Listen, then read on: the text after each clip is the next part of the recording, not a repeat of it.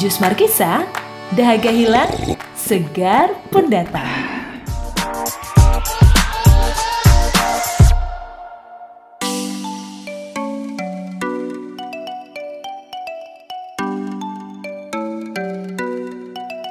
Hi Juicers! Jus Markista is back with a refreshing topic with me, Susan Wibowo. And this time I brought a friend far far away from Ludhiana, Punjab, India. Let's meet Dr. Mrinal Jindal. He's a dentist and also a podcaster. His episode by episode is soothing because it contains soul numbing reflections, and my favorite episode is Overthinking 101. And if you're curious, just listen his podcast, A Smidge of Reality with Dr. Mrinal Jindal. And if I tell you the story, I don't think it feels right, so it will be better if I give Doc a chance to introduce himself. Come on, Doc. Hi, Susan, uh, and uh, hello, everybody. So, uh, first of all, I'm really happy to be here. Okay, and even though I, I heard your podcast, Juice Makiza, and I know that it is a different language, but I try to get as much as I can. Well, thank you. and from what I got, I really liked it. So, about me, a little for your listeners is that I am, as you rightly said, I'm a dentist from India, and I personally started this podcast so that I could help people. You see, there are a lot of people in today's world who are not able to smile, who are not able to realize that even though everything seems messed up in life, at the end, everything will be okay. It's just, I mean, I personally feel that life is like a movie. As many villains as might come to, you know, hurt you or take your hero away or take your heroine away, at the end of the day, the main character, the lead, will always win. The story, the circle will always complete itself. And that is what my podcast is about. Just to let people know that it's okay everything is going up messed up right now that's absolutely fine but at the end of the day everything will be fine everything Yeah. will be okay Yes. so that's yes. what a smidge of reality is all about Mhm. Yes, I agree with you, and I already listened your podcast, and I think uh, it will have uh, some impact. Uh, what I mean is positive impacts for the listener, especially for uh, the health of the soul. Mhm. It, yeah is it right? Okay. And today we will talk about friendship.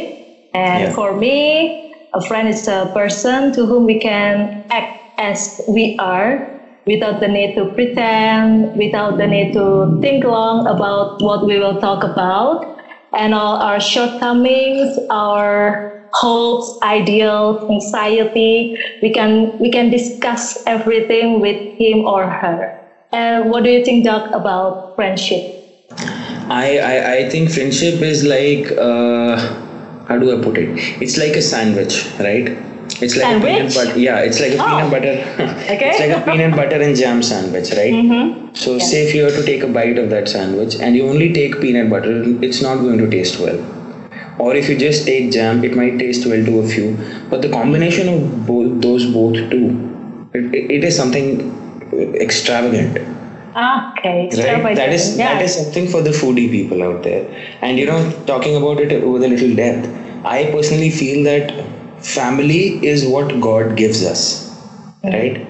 But Yeah. friends are the family that we choose here on earth. Because God gave us the ability to make our family as well. Apart from the family that we already have, we get the chance to choose our family. And that choice is our friends. So our friends are the chosen ones, I believe. Okay. So I, I like your statement about your analogy about friendship is like a sandwich with peanut butter, and I'm the foodie person. No, I myself am uh, very foodie as well. So I think uh, having a foodie approach to it would be, you know, something that should be there. uh, easy to understand, yeah. yeah. So if you if you see a friend is like a sandwich with peanut butter, so what is the meaning of friendship? Let me talk from my view first. For me, friendship is a strong emotional bond, so that when one is weak, the other will strengthen, or when one is happy, the other will rejoice too. And so too when others mourn, others are ready to give their shoulders to lean out. And in your opinion, I wonder what is your second analogy about friendship? What about you, Doc? uh, now that you've asked for it, uh, the foodie analogy would be they go together like salt and pepper. Oh, like salt and pepper. yeah, friendship goes together like salt and pepper because Okay. uh, if, if there is less salt in the food, the pepper will accommodate it, and if there is less pepper, the salt will accommodate it. And Oh, really? It's, yeah, and, and, and because uh, uh, in my country we have a lot of spicy food, right? So we know the uh, you know the emphasis we put on salt and pepper, and we make sure that you know it's together there. And basically, what friendship means for me, what what how is friendship present or prevalent in my life is that if I am to be falling weak, though there are my friends who will tell me that no, you have to be strong, but Yeah. then you need friends to tell you at one point that it's okay to be weak if you're Yeah, falling yeah, yeah. if you're if you're heartbroken if your girlfriend or boyfriend or loved one left you Mm-hmm. it's okay to feel upset and at one point probably they will be upset with you so that you don't feel lost so that you don't feel left out so that you don't feel as if you know all is lost in the world and that is something i think only friends have the ability to do because if you go to your parents about it or if you go to your elders about it or even your brother and sister about it they although friends are also equally possessive but then they have a sense of possessiveness because they've seen you grow into this human that you are right? But friends are the, the people who grew with you. That makes a lot of difference. My friends have seen me go from eating mud sitting in a sandbox to making a lasagna for lunch or for dinner right? So they've seen that difference. They've seen the growth from an immature kid to a mature person. And my parents saw it as an individual. This is our child who was once immature and now is mature. But my friends they grew mature with me. Mm-hmm. We Yeah. all together all of us all my friends we started off as kids and today we are adults. Mm-hmm. Because we got through all of that together Yes, that's interesting. I, I like your opinion about uh, telling us uh, the meaning of friendship, just like salt and pepper. But in Indonesia, maybe uh, salt and sambal. Do you know sambal? I, I've heard about it. Yeah, Have to I've taste heard. it though. Yeah, it's uh, hot, hot chili made of hot chili. So Yeah. yes, something like that. Okay, I, I agree with you. So there's no judgment, yeah. So there's yeah. no judgment. No, no judgment at all. no judgment so it, it is okay for not to be okay Yeah. it is okay when you're upset you just can release your pain you can release your joy you can release Yeah. your anger something like that More so, there are no um, expectations, Susan. I mean, uh, I don't expect my friend to be exactly like me. mm-hmm. Because if he is exactly like me and I'm talking to him, I might as well talk into a mirror. Right? But if he is different than me, he will have a different opinion. He will have a different notion to what I feel or, or to my belief. He will have a different belief or a different faith. And that is where the difference of perspective with the world I'll be able to understand because nobody is going to think exactly like me. yes Right. yes yes So yes my that's friend right. will let me know that it's okay you're thinking like that, but the other way to think about it is this. Mhm. So then So- that, at that point it makes it, you know, it, it deciphers the difference between uh, somebody who's always praising you and somebody who's getting you closer to the truth. Ah, and sometimes uh, the truth is not always good Yeah, yeah. Yeah, And right. You don't have a lot of people to do that. I mean, not many people come and tell you the truth because most of the people generally they want to be in the good books of everybody, right? But friends don't care. Friends are like to hell, you know, to, to to heck with you. I don't care. I think that this is wrong what you're doing and this is wrong. Even if you don't accept it, it is wrong. And I am your friend. I'm going to stop you from doing that. So that is something I think it's it's unique only to friends because parents they give you a decision. Don't do this. This should not be done. Right? Yes, yes, but yes. but friends are like don't do this man. If you do this then you're gonna me- mess up then you're gonna come to me and cry and then i'm not gonna tell you to you know keep quiet. Then you're gonna cry on your own. But then you're like how you will do like that with me? And he's like no i will not do that but you need to stop because they come down at your as much as parents try and i really respect parents i mean my parents are one of my best friends right Mhm. but as much as they try they there's still some difference left because they are super mature. If we are mature, then the parents are super mature. So that difference is covered by friends. That is where Yeah. friends are, you know, uh, they're like a pillar, one of the few pillars that keep your house standing still. I agree with you definitely that our parents is super mature and uh, because of uh, due to the difference of generation and sometimes it has uh, impact to the Yeah, different experience yeah?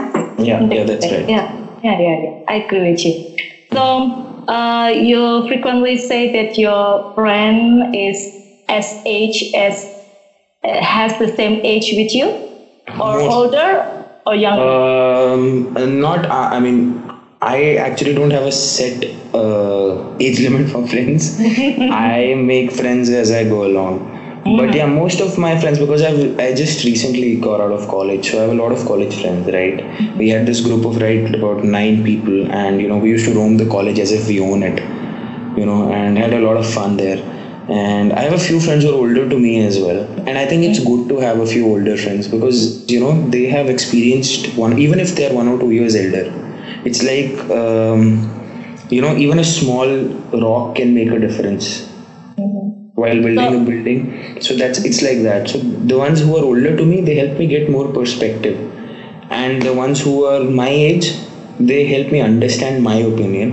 And the ones who are younger to me they help me get into mischief and enjoy the so i think that's also important. Yes, yes.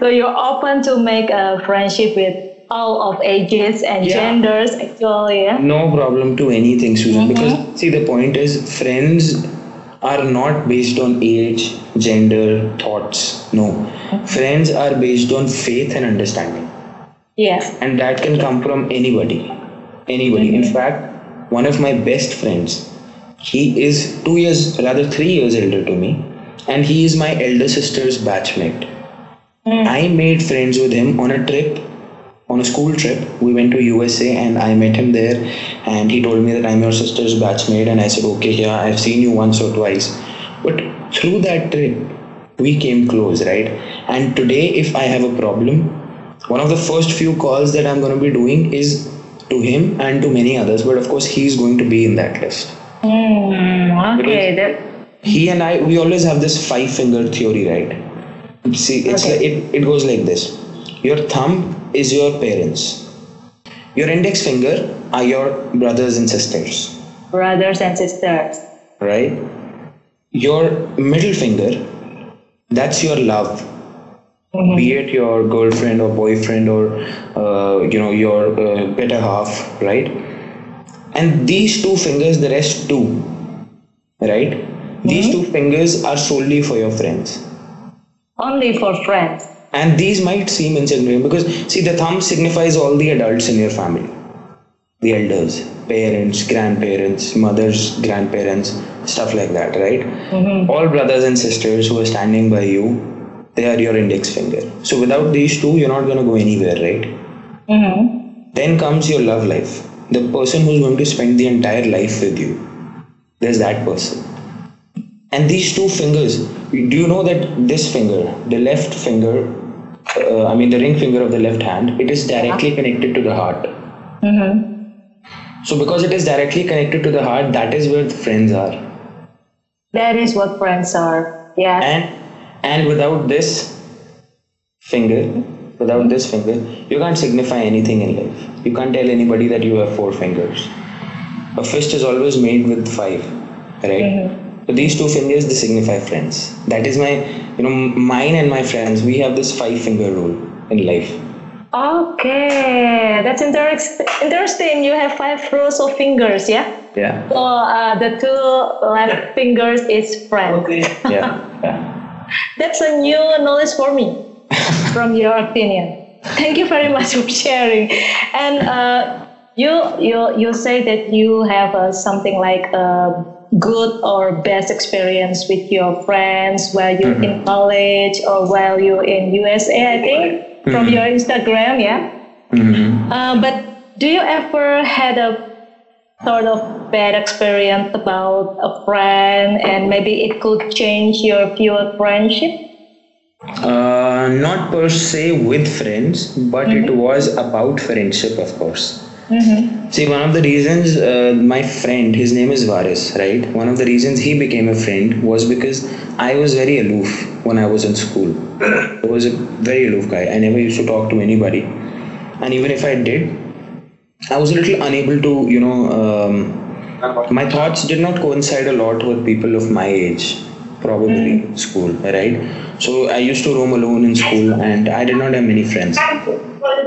But then near the end of uh, school, I made a few friends. I had my uh, friend Varis. Then I made another friend. Uh, his name is Mayank, and a few one or two more friends. But other than that, most of my school life, I was alone, and that is. Uh, I can't say it was a bad experience, but yeah, it was something bad that led to something good. That particular time in school, those few years in school, I was aloof, and I realized that although you can do anything if you're aloof you're not obligated to anybody right?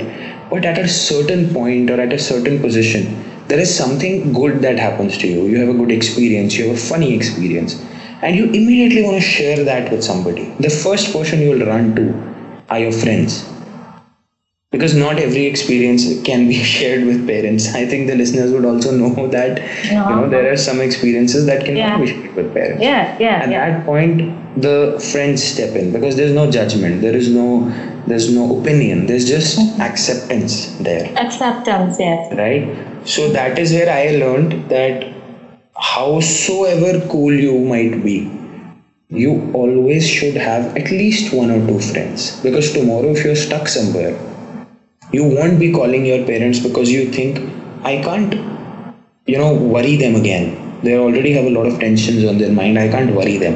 You won't be able to call your brothers and sisters because they might also be stuck in a rut of their own you know?